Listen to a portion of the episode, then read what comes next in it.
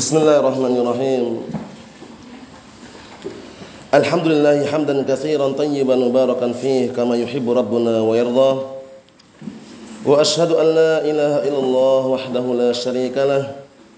وأشهد أن محمدا عبده ورسوله نبي الله وخليله صلى الله عليه وعلى آله وسلم تسليما مزيدا لا نبي بعده. Ikhwani fi din azzani wa azakumullah wa hafizakumullah jami'an wa barakallahu fikum. Kita lanjutkan bacaan terhadap kitab Mujmal Aqidat Salaf Salih karya Syekh Al-Allamah Salih Al-Fauzan astabahullah. Kata beliau halaman 27 Al-imanu bi baqiyati usuluddin. Beriman terhadap sisa-sisa dasar-dasar pokok agama ini. Karena dasar-dasar pokok agama ini banyak sekali. Terus sekarang kita wajib mengimani sisa-sisanya daripada dasar pokok yang inti kemarin adalah beriman kepada Allah Subhanahu wa taala, masih ada rukun-rukun iman yang lainnya. Beriman kepada para malaikatnya, kitab-kitabnya, kemudian para rasulnya, beriman kepada hari akhirat dan beriman terhadap takdir. Itu yang beliau inginkan. Kita lihat Amal imanu bibaqiyati usuluddin adapun beriman terhadap sisa-sisa landasan pokok agama ini maksudnya adalah beriman kepada para malaikatnya dan kitab-kitabnya dan para rasulnya dan beriman terhadap apa? hari akhirat serta beriman terhadap takdir yang baik dan yang buruknya. Nah, disebutkan itu al-imanu bil malaikatihi wal kutubi war rusuli wal yaumil akhir wal qadari khairihi wa syarrih. Itu. Jadi maksudnya beriman terhadap sisa-sisa dasar-dasar pokok agama ini maksudnya apa? Beriman kepada para malaikatnya, beriman kepada kitab-kitabnya, beriman kepada para rasulnya, beriman kepada hari akhirat dan beriman terhadap takdir yang baik maupun yang buruk. Hadhihi kulluha tabi'atun lil imani billahi azza wa jal. Masya Allah. Keimanan ini semuanya mengikuti imannya dia kepada Allah Subhanahu wa taala. Wa kulluha mutafarri'atun anil imani bihi subhanahu wa ta'ala dan semuanya pun tercabang dari apa keimanan dia kepada Allah Subhanahu wa taala li'annahu qad akhbarana biwujudil malaikah wa akhbarana bil ghuyubil madiyah. Wa irsalir rusuli. Wa akhbarana 'anil yaumil akhir wa ma yakunu fi. Masyaallah kata beliau Syekh Shalal Fauzan asbahullah kenapa? Kata beliau li'annahu qad akhbarana biwujudil malaikah. Karena sungguh telah dikabarkan kepada kita semuanya tentang adanya malaikat. Jadi malaikat itu banyak sekali. Tidak hanya 10 saja Adapun dalam pelajaran-pelajaran yang dulu pernah dipelajari sekolah-sekolah umum, bahwasanya malaikat cuma 10 itu kurang tepatnya, malaikat banyak sekali. Tidak terhitung. Sebagaimana pernyataan Allah Subhanahu wa taala, "Wa ma ya'lamu junuda rabbika illahu." Tidak ada yang mengetahui tentara-tentara Rabbmu, jumlahnya ada yang tahu kecuali Allah taala. Faham ya? Kisah yang lain yaitu ketika Rasulullah SAW melakukan Isra Mi'raj. Nah, ketika beliau nah barakallahu fikum naik ke langit yang tujuh, nah, di sana dijumpai ada Sidratul Muntaha dan juga Baitul Ma'mur. Di Baitul Ma'mur barakallahu fikum setiap harinya masuk ke dalam Baitul Ma'mur tersebut tempat ibadah masuk malaikat 70 ribu jumlahnya. Setelah masuk nanti nggak keluar lagi. Begitu terus setiap harinya. Berarti menunjukkan apa? Banyak sekali. Eh, banyak sekali nah barakallahu fikum jumlah malaikat tidak terbatas dengan batasan yang yang kita apa ketahui atau yang semisalnya. Jadi dikabarkan tentang adanya para malaikat. Nah, dan para malaikat sebagaimana yang Allah Taala firmankan dalam Al-Qur'an Karim memiliki sayap. Ada yang dua-dua, tiga-tiga, empat-empat. Nah, dalam surat Fatir itu ya, Alhamdulillahi fatiris samawati wal ardi ja'ilil malaikati rusulan uli ajnihatin masna wa thulatha wa ruba'. Ya kan? Zat yang telah menjadikan para malaikat adalah para rasul, menjadi utusan-utusan yang memiliki sayap dua-dua, tiga-tiga, empat-empat.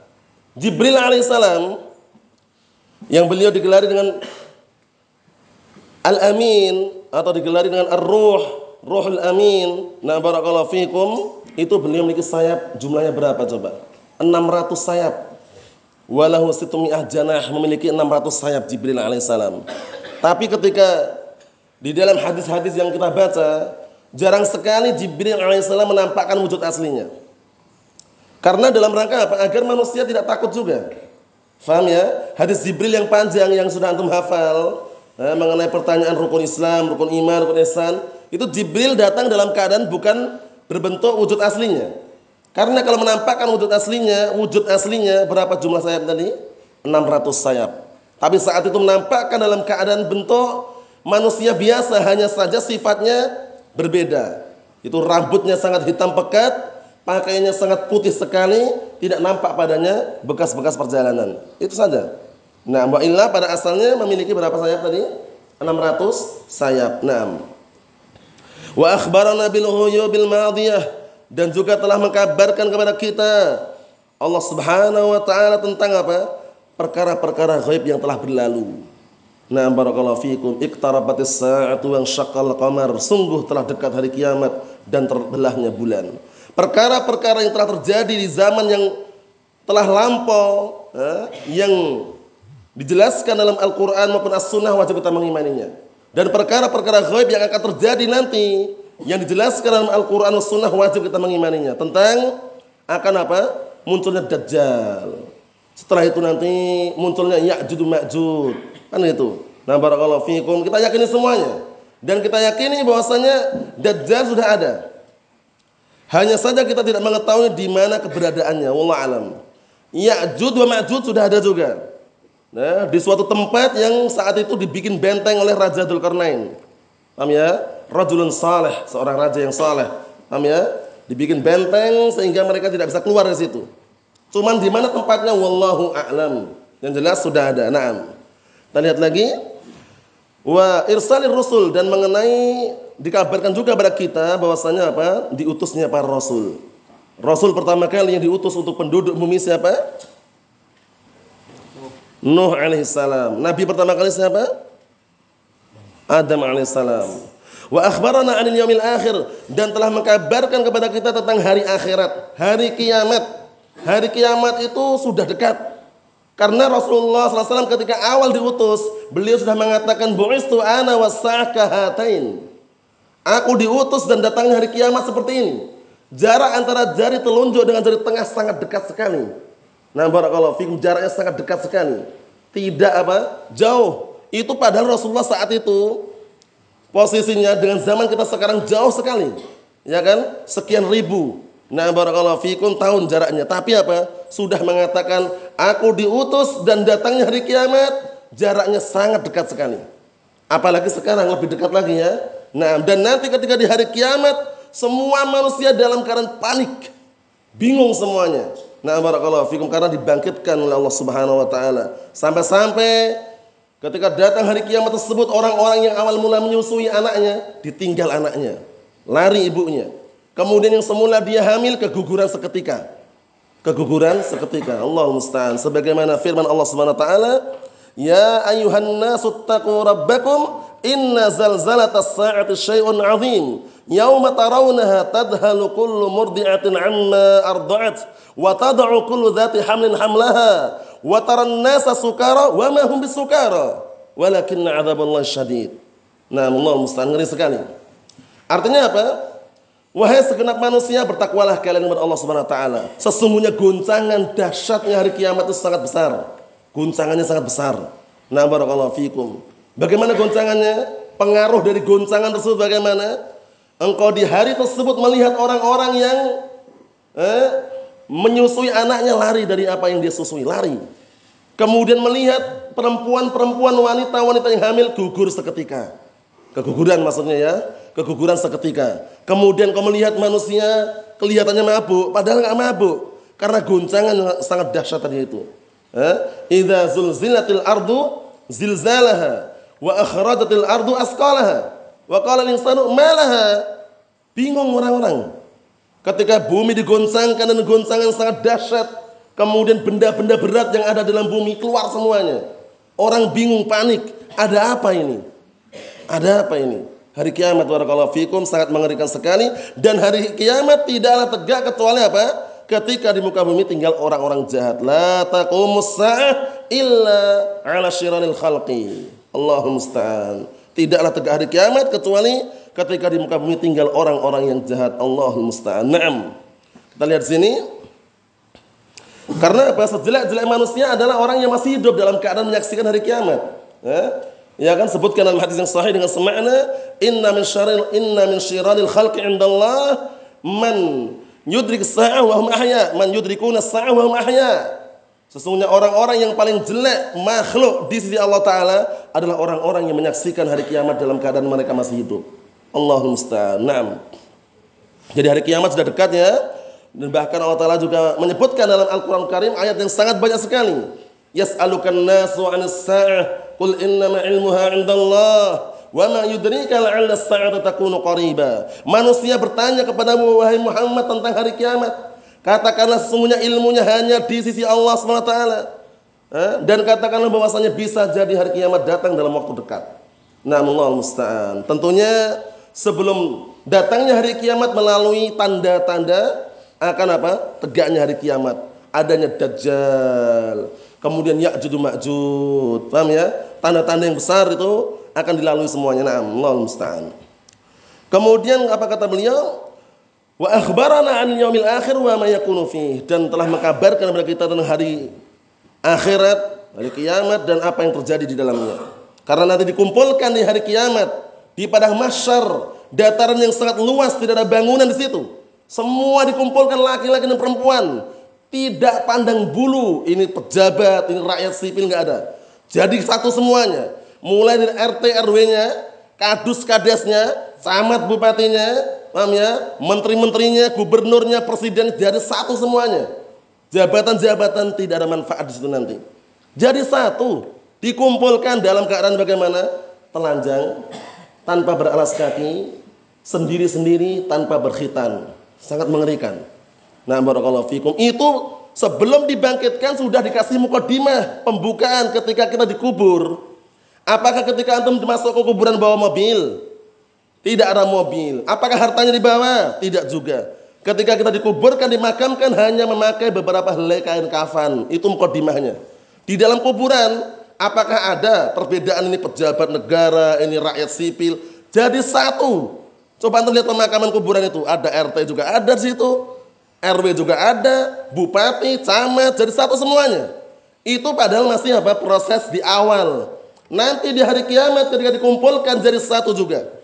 Eh? Dalam keadaan apa?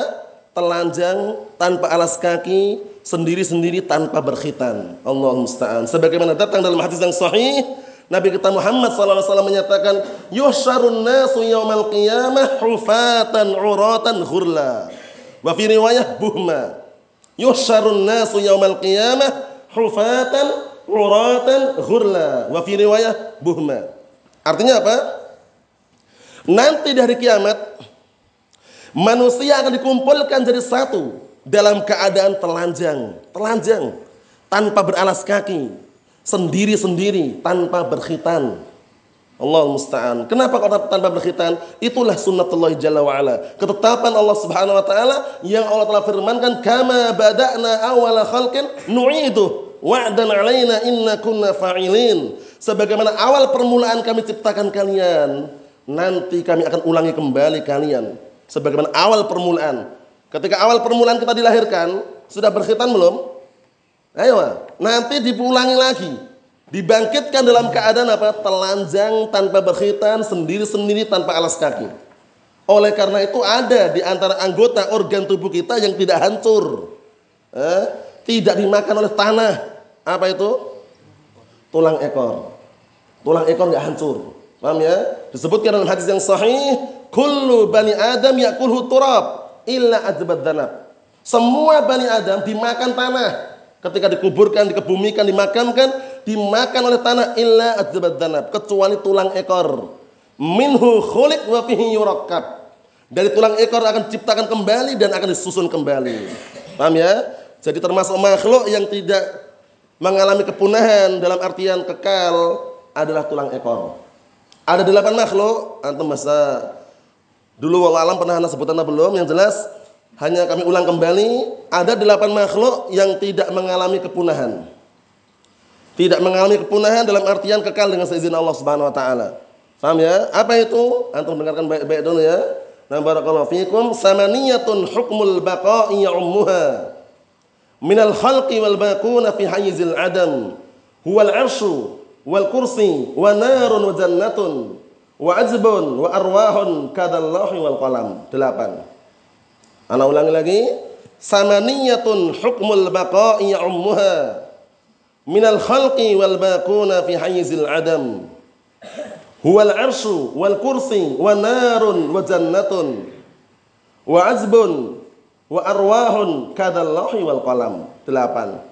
Delapan makhluk yang tidak mengalami kepunahan menyeluruh pada delapan tersebut adapun selainnya masih masuk dalam lingkupan kepunahan fi adam apa delapan makhluk tersebut arsh arsh pertama arsh kedua kursi ketiga surga Keempat, neraka. Kelima, tulang ekor. Keenam, ruh. Ketujuh, kolam, pena. Kemudian yang kedelapan, lauhil mahfud. Paham ya? Delapan makhluk tersebut dikumpulkan oleh para ulama dalam pantun yang sangat bagus tadi itu. Samaniyatun hukmul baqa'i ummuha minal khalqi wal baquna fi hayyizil adam huwal arsyu wal kursi wa narun wa jannatun wa arwahun kadallahi wal qalam. Paham ya? Nanti kalau masih terlambat bisa ditanyakan nanti karena itu pantunnya bagus sekali itu ya, ngumpulkan tentang makhluk-makhluk yang tidak mengalami kepunahan dengan seizin Allah Subhanahu wa taala. Nah, barakallahu fikum di antaranya apa? tulang ekor. Jadi kalau ada orang mengatakan, "Wah, nanti kalau mati tak bakar aja." Setelah dibakar, abunya dilemparkan ke lautan. Biar Allah Ta'ala kehilang jejak katanya. Allah musta'an. Gak akan bisa. Paham ya? Gak akan bisa. Kalaupun seandainya tulang ekor itu nah terbakar, tapi gak hancur. Gak hancur dalam artian apa? Walaupun taruhlah dohirnya hancur, tapi ada serbuk-serbuk yang situ masih ada. Nah, dan Allah Ta'ala nanti akan bangkitkan dari tulang ekor tersebut. Nah, barakallahu fikum, musta'an. Dan kita wajib meyakini tidak perlu buktikan. Maksudnya bagaimana? Gak perlu antum gali kuburan. Wah, anda membuktikan ini. Ini dah eh, dah, dah seribu hari atau sudah seratus hari kita coba digali kuburannya, buktikan benar nggak tulang ekor itu nggak hancur. Nggak, nggak perlu, nggak perlu antum buktikan, cukup meyakini. Karena hadis Rasulullah Shallallahu Alaihi wa ala alihi Wasallam tulang ekor nggak hancur. Lah terus bagaimana Ustadz? Misalkan ada pertanyaan, nanti kalau telanjang laki-laki perempuan saling tengok menengok katanya. Kita katakan nggak sempat. Datang dalam hadis yang sahih, Aisyah Ummul Mukminin radhiyallahu anha bertanya kepada Rasulullah SAW, wahai Rasulullah, bagaimana nanti kalau seandainya sebagian mereka melihat aurat sebagian yang lainnya? Apa kata Rasulullah SAW? Ya Aisyah innal amra ashad min an yang dura ba'duhum ila aurati ba'd. Wahai Aisyah, perkaranya itu lebih genting, lebih dahsyat, lebih mengerikan daripada sekedar sebagian mereka melihat aurat sebagian yang lainnya. Enggak sempat.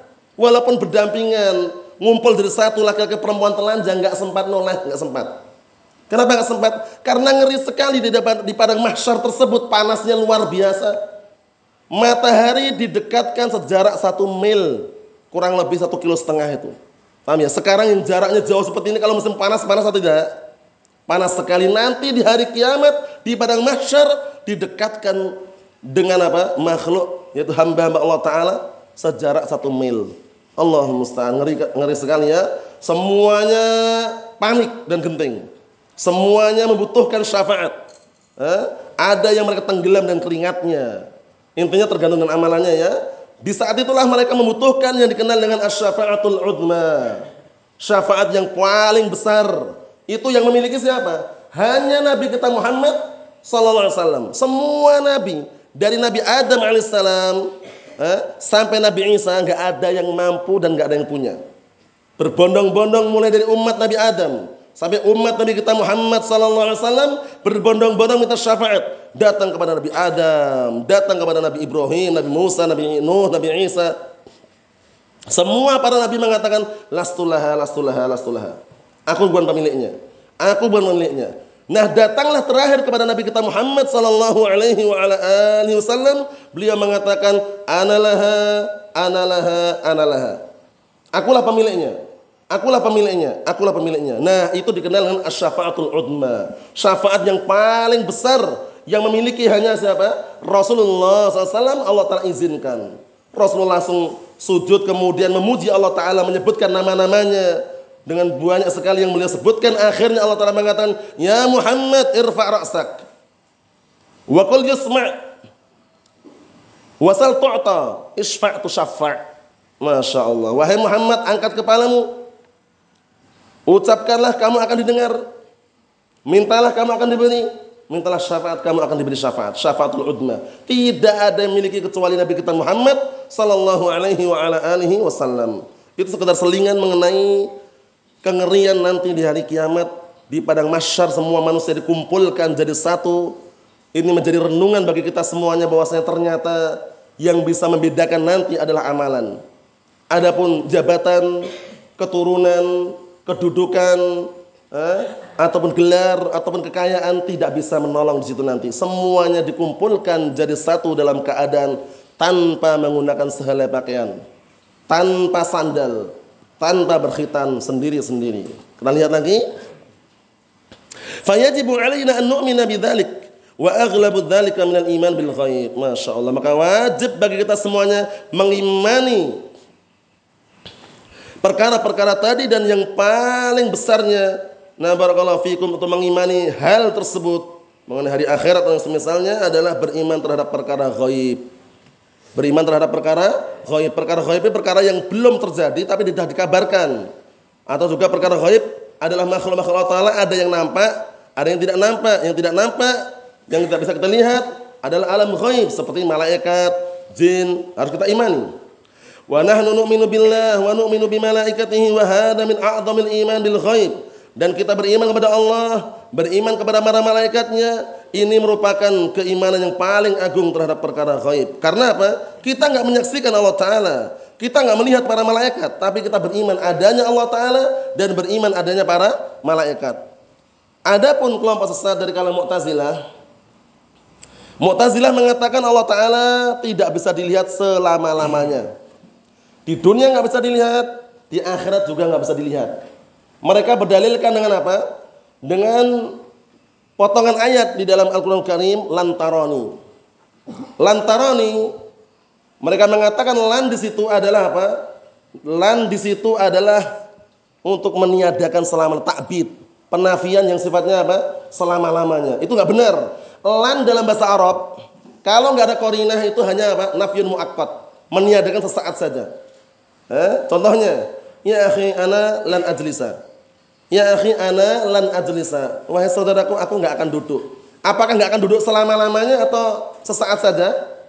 Sesaat saja. Itu kalau nggak ada koordinat seperti itu. Jadi ketika ucapan lantaroni diartikan engkau tidak akan bisa melihatku selama-lamanya.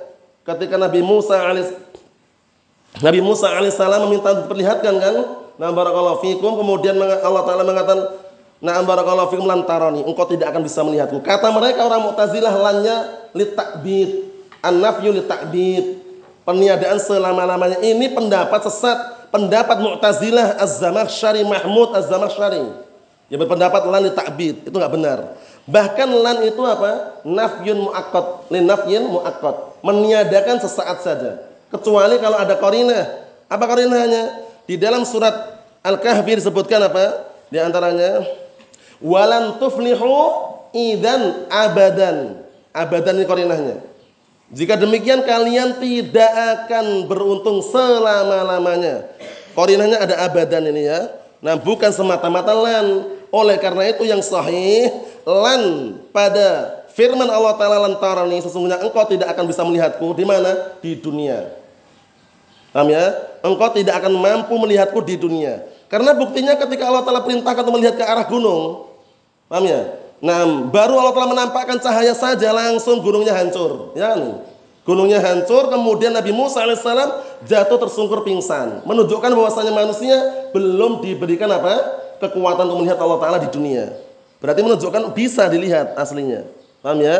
Nah, hanya saja diberikan kekuatan untuk bisa melihatnya di dua tempat. Pertama di ursatil qiyamah hari kiamat, kedua di surga. Paham itu ya? Itu pendapat yang sahih.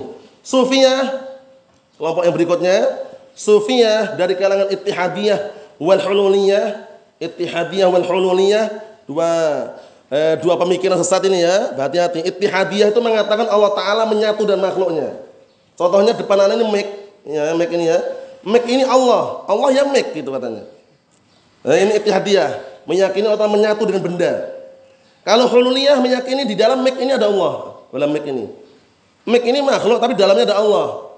Allah musta'an. Akhirnya ada dari kalangan mereka yang mengaku bahwasanya ma fil jubah illallah. Tidak ada dalam jubah ini kecuali Allah. Allah. Ini pengakuan yang kufur itu ya, Allah musta'an. Meyakini bahwasanya apa? Bahwasanya Allah taala bisa dilihat di dunia dan di akhirat. Itu sebagai kelompok sufiah seperti itu.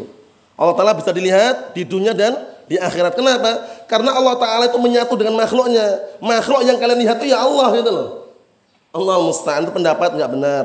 Pendapat yang sahih adalah pendapat ahli sunnah wal jamaah bahwasanya Allah Ta'ala ketika di dunia manusia tidak diberikan kekuatan untuk melihat. Paham ya? Kekuatan kemampuan untuk melihat belum diberi. Tapi nanti di akhirat diberi kekuatan untuk melihat Allah Subhanahu wa taala. Paham ya? Nah, di hari kiamat sama di surga. Kisahnya panjang lebar untuk mengenai di surga. Nah, hadisnya panjang itu ya. Setiap hari Jumat mereka saling apa? Saling jalan-jalan menuju ke pasar-pasar surga. Yang laki-laki dan perempuan saling melihat wajah Allah Subhanahu wa taala, melihat wajah Allah taala. Yang laki-laki setiap kali melihat tambah ganteng, yang laki-laki. Yang perempuan tambah cantik. Paham ya?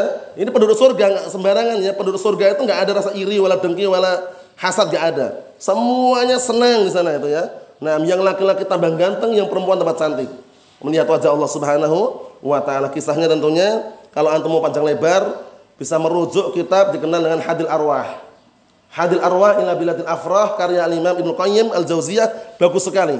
Antum buka dari awal sampai akhir penjelasan masalah surga dan neraka, terutama masalah poin surga itu masya Allah mulai dari apa? Keindahan surga, makanan penduduk surga, perempuan-perempuan penduduk surga bagaimana, kemudian apakah di surga ada orang tua? Nggak ada.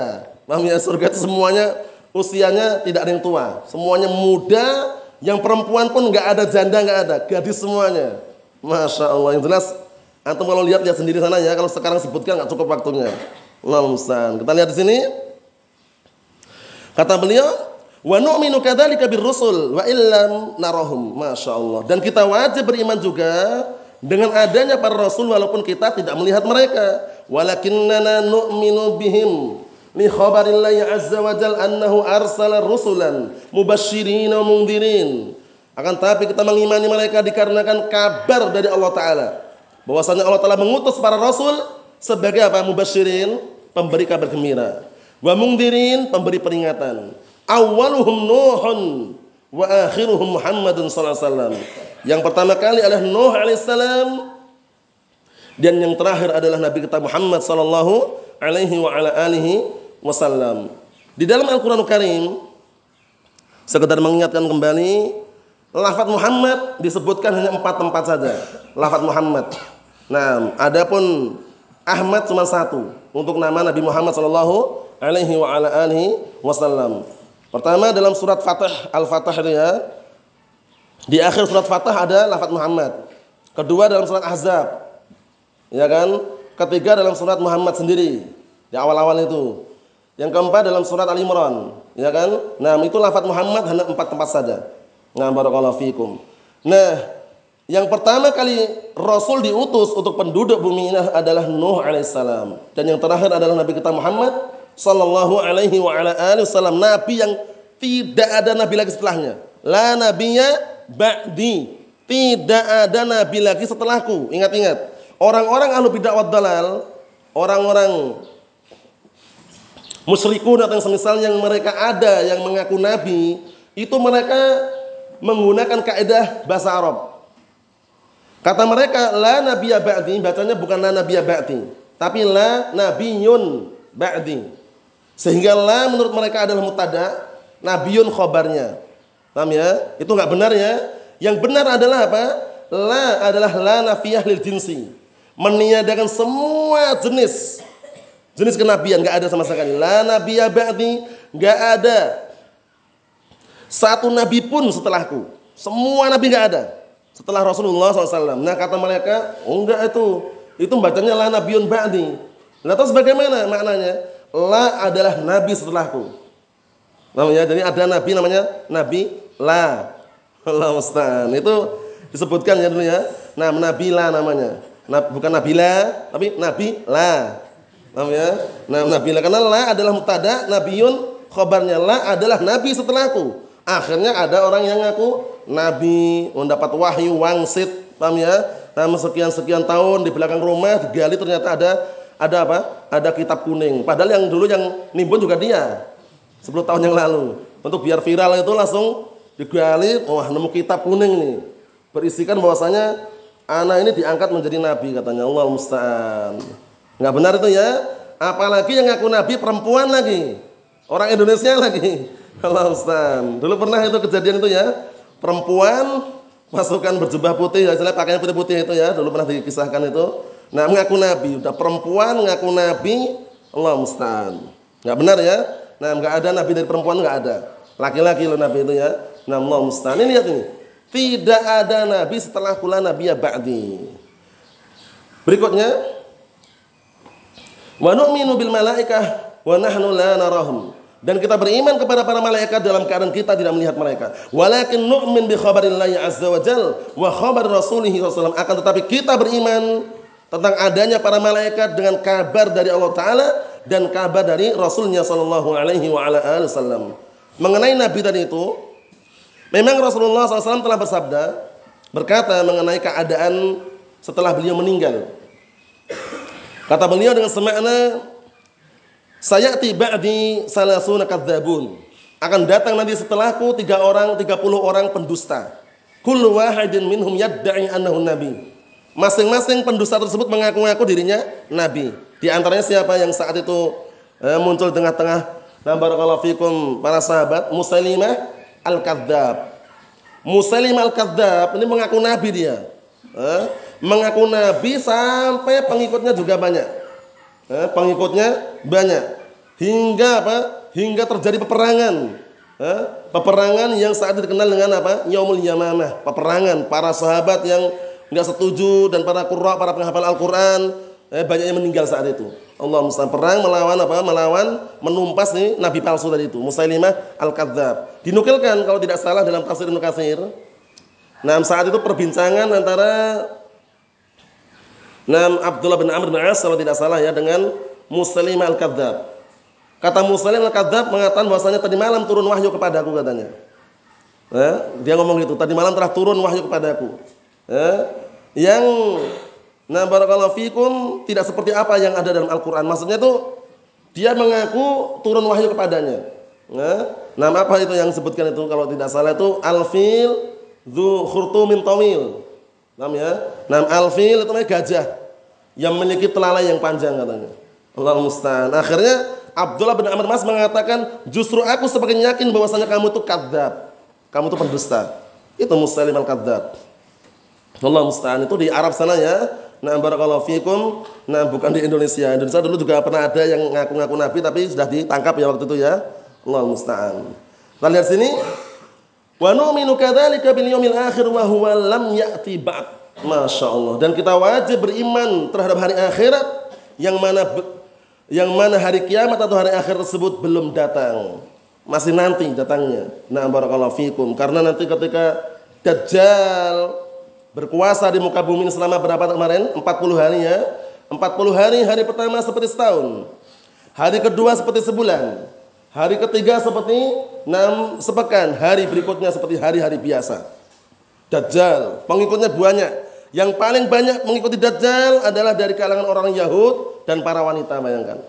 Para wanita, orang-orang Yahud eh, dan para wanita itu paling yang paling banyak menjadi pengikut Dajjal. Nah, kemudian saat itu Allah Ta'ala turunkan Nabi Isa alaihissalam. Jadi Nabi Isa masih hidup ya ternyata ya, masih hidup. Kalau ada tulisan di tanggalan itu misalnya wafat Isa masih nggak tepat itu. Paham ya? Tanggalan itu wafat Isa masih kalau wafat maknanya mati itu nggak benar. Nabi Isa alaihissalam masih hidup. Kalau di tanggal-tanggalan kalender kadang itu ya, wafat Isa masih. Paham ya? Kalau kenaikan Isa masih itu pun juga nggak tepat karena dia nggak tahu tanggalnya seberapa sebenarnya. Allah musta'an. Yang jelas Nabi Isa alaihissalam itu masih hidup. Saat itu dalam kisahnya ada dari kalangan orang-orang Nasara yang mereka membelot, eh, bersekutu dengan orang Yahud, eh, ingin membunuh Nabi Isa alaihissalam. Akhirnya apa? Nabi Isa alaihissalam, nah barakallahu fikum masuk ke dalam sebuah gua yang dengan itu Allah telah angkat ke langit. Salah satu di antara mereka ikut masuk di situ mengejar Nabi Isa alaihissalam. Setelah keluar Allah Taala apa? Jadikan orang tersebut wajahnya seperti wajah Nabi Isa alaihissalam itulah yang dibunuh oleh mereka. Yang kata mereka disalib dan semisalnya intinya itulah yang dibunuh. Eh, kalau disebutkan dalam kisah Israiliyat namanya Yudas Iskariot. namanya gitu ya, Yudas Iskariot. Nah, Allah Ustaz. Itu nama orang yang saat itu mengejar Nabi Isa kemudian diubah eh, wajahnya seperti Nabi Isa dan dibunuh oleh orang-orang yang menangkap tadi itu. Nah, Allah Ustaz. Padahal Nabi Isa alaihissalam masih hidup. Nanti di akhir zaman turun dalam keadaan posisinya didampingi oleh malaikat. Eh?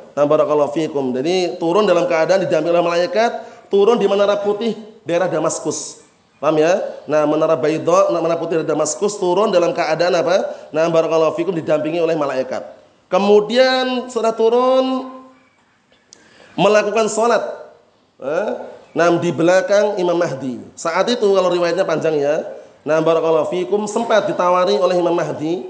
Nah, barakallahu fikum untuk menjadi imam, tapi Nabi Isa alaihissalam nah barakallahu berdalilkan dengan bahwasanya masing-masing kaum memiliki imam. Jadi yang imam Imam Mahdi yang imam. Nah, Imam, imam Mahdi itu siapa namanya? Namanya sama dengan nama Rasulullah dan nama bapaknya juga sama. Muhammad bin Abdullah. Muhammad bin Abdullah itu namanya Imam Mahdi, sebutkan dalam riwayat yang panjang itu ya. Nah, barakallahu fikum. Kemudian setelah itu Begitu setelah selesai sholat ternyata apa? Orang-orang Yahud dan pasukan Dajjal mereka sudah menunggu. Tapi begitu keluar langsung kaum mukminin mengejar orang-orang Yahud dibunuh satu persatu mereka. Semua pohon bicara kecuali satu pohon. Satu pohon ini nggak mau bicara dia. Satu lagi pohon yang yang satu ini sejenis pohon ini nggak mau bicara semuanya bicara. Ya mukmin, wahai orang mukmin belakangku ada orang kafir, bunuh dia. Bunuh. Tapi ada pohon yang mau nggak mau bicara dia diam seribu bahasa dia. Allah Ustaz. Pohon apa namanya? Antum? Pohon apa namanya? Tahu nggak? Pohon yang saat itu eh, nah, diam, nggak mau bicara dia. Pohon apa? Pohon apa namanya? Antum tahu? Antum tahu? Antum tahu? Apa? Gharqat? Eh, gharqat. Nah, pohon gharqad itu, nah gharqad itu pohon tersebut nggak mau bicara dia. Paham ya? Oleh karena itu pernah dikabarkan katanya di Israel sana orang-orang Yahud berlomba-lomba nanam pohon itu. Ya justru malah keliru kan kalau kalau kalau dia nggak bicara berarti belakangnya mungkin ada gitu loh. Paham ya Allah musta'an. Karena yang selainnya bicara semua. Bicara semuanya ini ada momen belakangnya ada ada orang Yahud bunuh dia. Berarti yang diam itu ya curigai gitu loh. Allah musta'an. Maksudnya tuh mereka-mereka itu sebenarnya nggak berpikir. Kalau penanam itu nggak ada manfaatnya. Paham ya? Akan ditumpas semua nanti. Dajjal pun lari, kebirit-birit lari takut dia. Sampai di tempat namanya Babuluddin, di situlah dibunuh Nabi Isa alaihissalam. Dia langsung jatuh leleh sebagaimana garam dalam lautan. Itu kisah barakallahu fikum Dajjal. Setelah Dajjal apa? Muncullah nggak lama kemudian Ya'jud Ma'jud. Nah itulah yang lebih mengerikan lagi. Karena Ya'jud Ma'jud kalau bukan kelompoknya semua dimusnahkan, semua dihancurkan, dibunuh. Eh? Ada air yang ya semacam telaga, danau atau telaga gitu ya. Itu sekali sedot habis. Masya Allah, sekali minum itu langsung habis. Sampai sampai orang yang belakangan, dulu kalau tidak salah ada danau di sini. Ada semacam telaga, tapi kenapa? Diminum sama Ya'juj Ma'juj. Sekarang sudah ada Ya'juj Ma'juj, cuman masih di dalam benteng yang saat itu dibikin oleh Raja Dzulkarnain. Nanti ketika mereka keluar langsung rusak muka bumi ini. Inna Ya'juj wa Ma'juj mufsiduna fil ard. Sesungguhnya Ya'juj Ma'juj itu perusak di muka bumi. Rusak semua keadaan rusak semuanya. Nah, Nabi Isa alaihissalam karena nggak bisa mengatasi dan orang-orang beriman Nah, barakallahu fikum mereka semuanya naik ke Bukit Tur. Paham ya? Nah, barakallahu fikum naik Bukit Tur, berdoa kepada Allah Subhanahu wa taala. Akhirnya dengan doa tersebut, nah barakallahu fikum Allah taala kabulkan, Allah taala mengutus riwayatnya beda-beda ya, mengutus semacam kayak ulat. Paham ya? Langsung nempel di leher-leher ya maju semuanya, langsung mati semuanya. Paham ya? Langsung mati semuanya. Nah, barakallahu fikum kemudian di muka bumi ini penuh dan bangkai. Tidak ada jarak sejengkal pun kecuali ada yang Ma'juj itu. Banyak sekali berarti pasukannya ya. Mengenai bentuknya kayak apa? Wallah alam. Karena kisahnya Israiliyat ada yang mengatakan bentuknya kayak telinganya panjang, kemudian ngeri matanya, eh, pandangan tajam itu semuanya enggak sahih. Yang jelas Ya'jud Ma'jud itu ada. Adapun yang bentuknya kayak apa itu namanya monster atau semisalnya itu enggak benar. Paham ya? Karena riwayatnya tidak sahih Israiliyat. Kabar Bani Israil, na'am. Kemudian setelah itu Allah Ta'ala apa? Turunkan air hujan yang sangat nam deras. Akhirnya semua tadi itu apa? Bangkai-bangkai semua bersih dengan seizin Allah Ta'ala. Dalam riwayat yang lain yang berbeda juga, ya, bangkai-bangkai tadi itu, nam Allah Ta'ala utus Nam barakallahu fikum Nam burung-burung yang membawa bangkai tersebut dibuang ke mana yang Allah Ta'ala kehendaki. Paham ya? Nah, kemudian setelah itu tenang kehidupan tentram, masya Allah. Kucing bermain dengan anjing, Ya, aslinya bermusuhan kucing dan anjing. Akhirnya apa? Berteman. Kemudian buah-buahan yang semula buahnya cuman kecil, ini apa? Besar buahnya, tenang, makmur, tentram. Nah, saat itulah nggak lama kemudian Allah Taala utus angin. Angin yang sangat lembut, halus selembut sutra. Semua orang mukmin mati seketika. Tinggallah orang-orang jahat.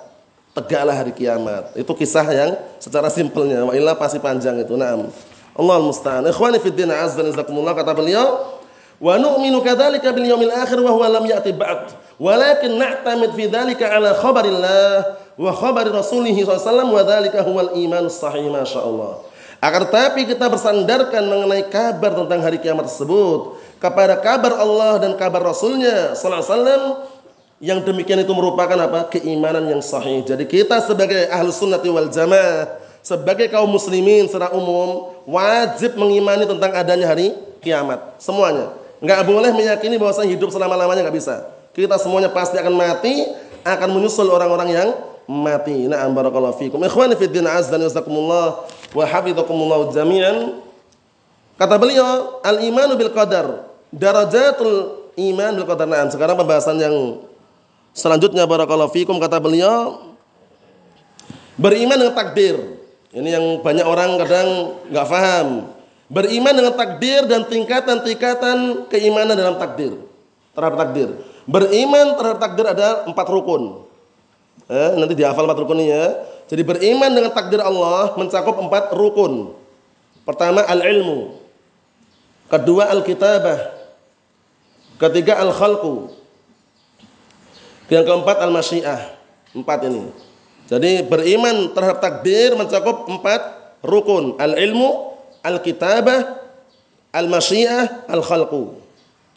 Nanti akan kita lihat pembahasannya, penjabarannya. Nah, tapi sebelum kita jabarkan kasih pembukaan dulu. Al-ilmu maksudnya bagaimana? Maksudnya kita harus meyakini bahwasanya semua yang terjadi di alam semesta ini di bawah pengetahuan Allah Taala. Allah Taala mengetahui semua yang terjadi. Antum duduk di sini, Allah Ta'ala tahu. Sebelum duduk tahu nggak? Sebelum duduk? Sudah tahu belum Allah Ta'ala sebelum duduk? Tahu. Ada kelompok sesat, dihafal juga nih pemimpinnya, yang kita hafal pemimpinnya ini ya. Kelompok Qadariyah. Kelompok Al-Qadariyah itu awal muncul di negeri Basrah. Saat itu di zamannya Abdullah bin Umar. Ada dua orang dari Basrah pergi haji atau umrah berencana ingin ketemu Abdullah bin Umar mengkisahkan tragedi yang terjadi di Basrah. Ternyata ada sosok yang dikenal dengan Ma'bad al-Juhani ini pemimpinnya. Ma'bad al-Juhani. Itu pemimpin yang awal kali berbicara tentang takdir. Awal man takallama fil qadar Ma'bad al-Juhani. Ma'bad al-Juhani itu pemimpinnya. Mengatakan bahwasanya apa? Innal amra unuf. Bahwasanya Allah SWT tidak mengetahui kejadian kecuali setelah terjadi. Nah, itu hati-hati bahaya. Jadi antum sebelum duduk di sini Allah Taala nggak tahu, kecuali setelah duduk baru tahu. Ini pendapat qadariyah berbahaya itu ya. Bahkan Allah Taala mengetahui perkara yang sedang terjadi, yang telah terjadi, yang belum terjadi, perkara yang tidak terjadi kalau seandainya terjadi tahu bagaimana terjadinya. Mengetahui perkara yang telah terjadi, sedang terjadi, belum terjadi, eh, yang tidak terjadi kalau seandainya terjadi tahu bagaimana terjadinya. Ya Allah Taala mengetahui semuanya ya. Nah barakallahu fikum. Allah musta'an. Nah, yang kedua tadi al-kitabah. Apa al-kitabah maksudnya? Maksudnya al-kitabah itu maksudnya adalah semua kejadian yang ada di alam semesta ini sudah tercatat dalam lauhil mahfud. Yang ketiga al-khalqu. Apa al-khalqu maksudnya? Semua yang terjadi atau semua yang ada dalam alam semesta ini adalah makhluk Allah Ta'ala semuanya. Nggak ada yang bukan makhluk. Eh? Nggak ada yang bukan makhluk. Antum makhluk bukan antum? Eh? Makhluk. Eh, kita semuanya makhluk ya. Nggak ada yang bukan makhluk. Semuanya makhluk. Nah, yang yang bukan makhluk adalah Al-Khaliq Allah Subhanahu wa taala, pencipta. Naam. Kemudian yang keempat al-masyiah. Apa itu masyiah? Semua kejadian yang ada dalam alam semesta ini terjadi dengan kehendak Allah Ta'ala. Ini empat rukun. Al-ilmu, al-kitabah, al-khalqu, al-masyiah. Enggak bisa terluputkan dari empat perkara tersebut. Nah, baru kita baca rinciannya. Qala al-mu'allifu asbahullah wa nu'minu kadzalika bil qadar khair wa syarrih. Dan juga kita beriman seperti itu pula kita beriman terhadap takdir yang baik maupun yang buruk. Ingat-ingat, takdir baik buruk dikembalikan kepada manusia yang takdirkan.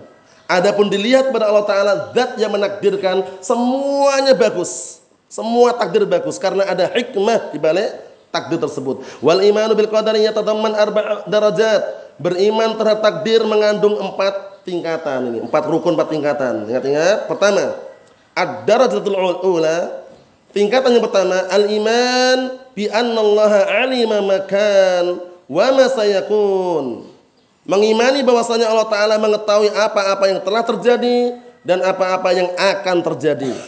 Paham ya? Ini namanya apa? Al-ilmu. Ini tingkatan pertama al-ilmu, yaitu Allah taala mengetahui perkara yang telah terjadi dan perkara yang akan terjadi.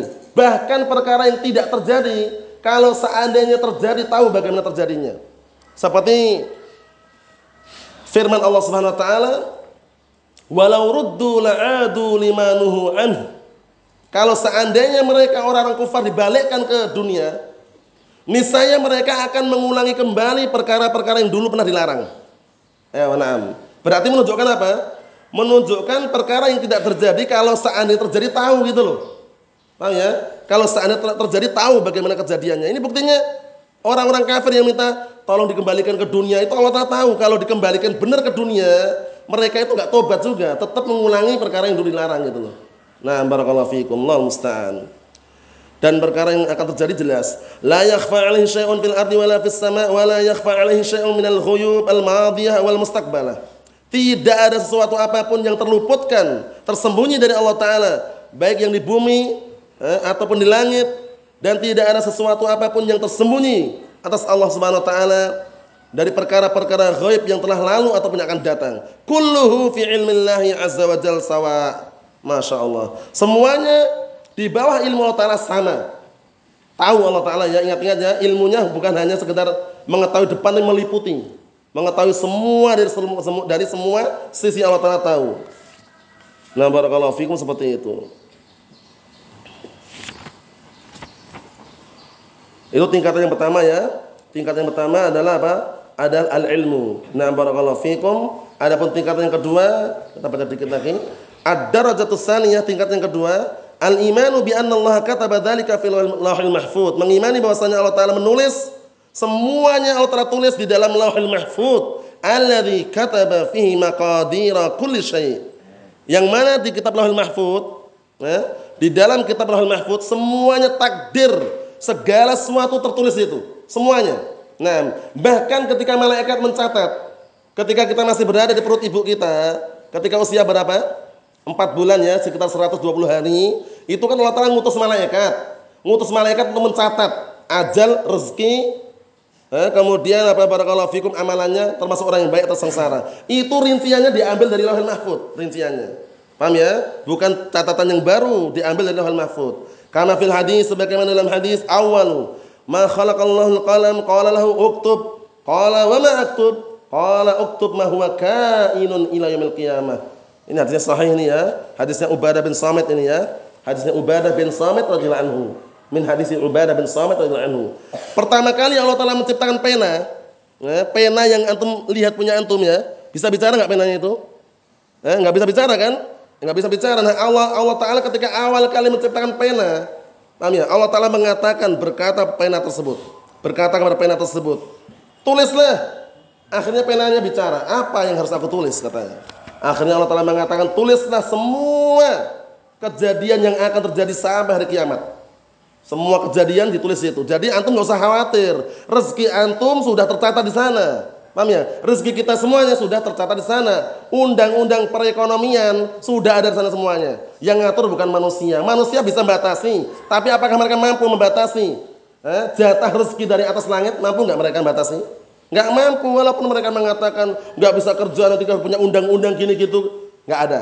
Percaya dengan zat yang di atas langit. Mereka mampu membatasi rezeki yang nampak di hadapan kita, tapi mereka nggak mampu membatasi rezeki yang dari atas langit.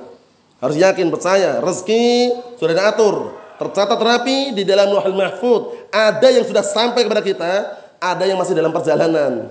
Paham ya? Nah, barakallahu fikum. Orang kerja dulu, kerja satu pekan dapat gaji itu perjalanan. Ya enggak? Nah, barakallahu fikum. Ada yang sudah sampai, yang sudah sampai banyak sekali. Antum sampai di sini ada rezekinya. Rezeki bukan? Antum duduk di sini itu ada rezeki enggak yang antum dapatkan? Ada rezeki berupa apa? Ilmu. Sehingga kuat hati antum. Paham ya? Itu rezeki yang paling besar. Jadi kalau antum minta rezeki ya Allah, berilah kami rezeki, jangan bayangannya dolar terus. Paham ya? Allah musta'an. Tapi upayakan antum minta rezeki itu rezeki yang paling besar itu keimanan. Kalau imannya kuat, eh, insya Allah bismillah semua akan tertata rapi. Paham ya? Jadi kalau antum minta rezeki, upayakan semuanya cakupan sekalian ya. Rezeki berupa keimanan, kekokohan dalam beragama, baru di antara rezeki yang berupa harta. Jangan pandangannya kalau minta rezekinya Allah, berilah kami rezeki yang bayangannya uang terus jangan. Ya? Itu di antara rezeki uang yang benar. Tapi ada yang lain yang lebih penting yaitu rezeki berupa keimanan. Ada pun yang berikutnya insyaallah taala kita lanjutkan pada pertemuan yang selanjutnya. Nasallahu alaihi wasallam. Alhamdulillah alamin.